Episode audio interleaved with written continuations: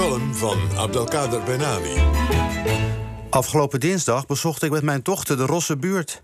Voordat u de kinderbescherming gaat bellen, haast ik me te zeggen dat mijn bezoek een didactisch doel had. Ik had me aangemeld als vrijwilliger om haar klas te begeleiden op een bezoek aan het museum Onze Lieve Heer op Zolder. Een groot pand aan de Amsterdamse gracht, waar op de bovenste verdieping de zolder van het gebouw en kerk te vinden is. Dat die kerk daar zat, komt omdat het, omdat het in de katholieken in de 17e eeuw verboden was hun feestdagen te vieren. De protestanten van Amsterdam wilden het niet, want dat zou de aardsvijand Spanje maar in de kaart spelen. Katholieken maakten toen in de stad 20% van de bevolking uit en werden gewantrouwd. Het was natuurlijk pestgedrag van protestanten, want iemand iets verbieden is ook een teken van superioriteitsgedrag. We zijn 400 jaar verder en ondertussen lopen de kinderen vrolijk chaotisch achter de gids aan. Ze vroeg de kinderen welke feestdagen zij het leukst vonden. De kinderen antwoordden stuk voor stuk dat ze hun verjaardag de leukste feestdag vonden. Daarna kwamen de andere feestdagen, van kerstmis tot suikerfeest tot Hanukkah, met veel cadeaus en overdosis suiker. Even dacht ik dat de wereld op het goede spoor zat. Eventjes maar. Een dag na mijn bezoek ging het weer los. In de Tweede Kamer werden migranten weggezet als gevaar voor de samenleving.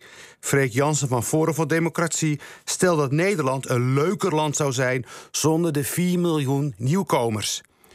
Ik weet niet hoe die aan dat getal komt. 4 miljoen? Ik moest denken aan de klas van mijn dochter. Die bestaat uit kinderen waarvan de ouders wereldburgers zijn. Van de Verenigde Staten tot India tot zelfs West-Friesland. Volgens Freek Jansen kampen we door deze kinderen met leerachterstanden. Speak for yourself, Freek. My daughters speak een aardig mondje Engels. Maar daar gaat het niet om. Wat ontbreekt in de discussie rond migranten is het dure begrip gastvrijheid. We hebben wel 550 miljoen over voor een schilderij van Rembrandt, maar we hebben geen idee meer hoe kostbaar gastvrijheid is. Een dag later hoorde ik op de radio, deze radio, de journalist Koen Verbraak vertellen over de Molukkers. Na de oorlog in Indonesië kwamen ze naar Nederland. En ze voelen zich nog altijd niet echt thuis.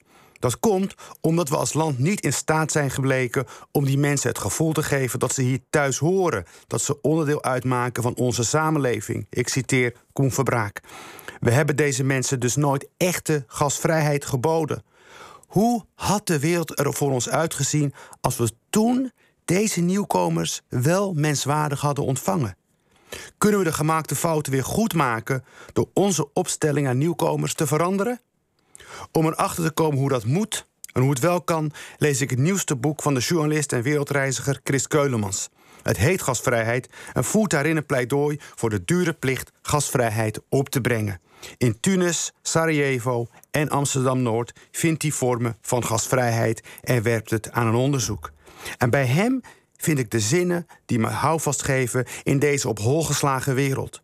Gasvrijheid is de sleutel tot een betere samenleving, omdat wie eenmaal gasvrijheid heeft genoten, dit zal doorgeven aan de volgende generatie.